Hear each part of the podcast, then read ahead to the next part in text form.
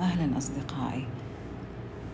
في أول بودكاست أحب أتكلم عن موضوع بعنوان فكر بقلبك أو استمع لقلبك. فكرة إنه الشخص يفكر بقلبه ما عادت فكرة مجازية متشكك في صحتها بل أصبحت ظاهرة علمية حقيقية بأن القلب هو مركز الذكاء والفطنة. وهذا ما جاءت به دراسات عدة من مؤسسة الأمريكان سايكولوجيست ونحب نذكر بعض نقاط عن القلب. منها القلب يرسل موجات من المشاعر والأفكار تساعدنا في فهم حياتنا. وأن القلب هو المسؤول عن خلق نظام متناغم مع تفاعل أجهزة الجسم بعضها مع بعض. والقلب في علاقة مستمرة مع الدماغ. وأن القلب قادر أنه يقوم باتخاذ القرارات لنفسه. وسبحان الله القلب يبدأ بالنبض في الأجنة قبل ما يولد ويتشكل العقل.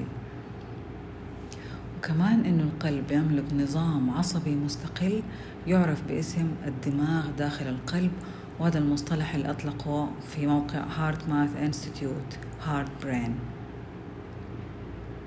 فإحنا في حياتنا عندما يتعلق الأمر باتخاذ قرار مصيري فنقعد نفكر نفكر والتفكير بيجلب لنا توتر وعندنا خوف من المجهول ونتشكك في كل اللي حوالينا وفي كل الظروف وفي كل الحلول وفي كل العواقب. لكن الشخص اللي بيعتمد على الحدس والقلب بيكون أكثر ثقة وأكثر ارتياح. حتى إنه بنسمع إنه الأشخاص العاطفيون أكثر نجاح من غيرهم. حتى الناس اللي الذين حققوا نجاح وقصص إلهام كثير ذكروا أنهم استمعوا لقلبهم. وإحنا بنمر في حياتنا بتجارب ومواقف ونلاقي نفسنا لحافة الاختيار. ونفكر هل يا ترى قرارنا ده قرار صحيح أو قرار غلط؟ وقراراتنا بتعتمد على معرفتنا بالميزات وبالعيوب وبالعادات وبالأعراف وبالمجتمع وبالعائلة وبالصح وبالغلط. وندخل في دوامة شك وحيرة ما لها نهاية. لكن يا ترى إيش ممكن يحصل لو إننا استمعنا لنبض قلوبنا؟ نستمع للنبض اللي بيرسله قلبنا في كل ثانية. هذا النبض بيلهمنا. هذا النبض بيرشدنا. بيدلنا.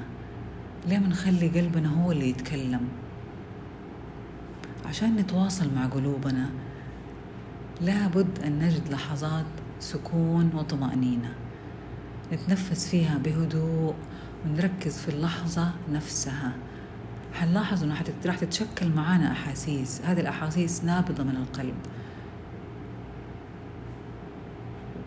وهذه الأحاسيس حتوجه تفكيرنا بعدين. حتلاقي فجأة تجيك فكرة صغيرة تكون هي حل للمشكلة اللي أنت فيها. وفي الأخير الذي يريده القلب يشكله العقل. وراح أختم كلامي بآية في كتابنا الكريم تختصر كل اللي ذكرته. الآية هي فتكون لهم قلوب يعقلون بها. شكرا لكم.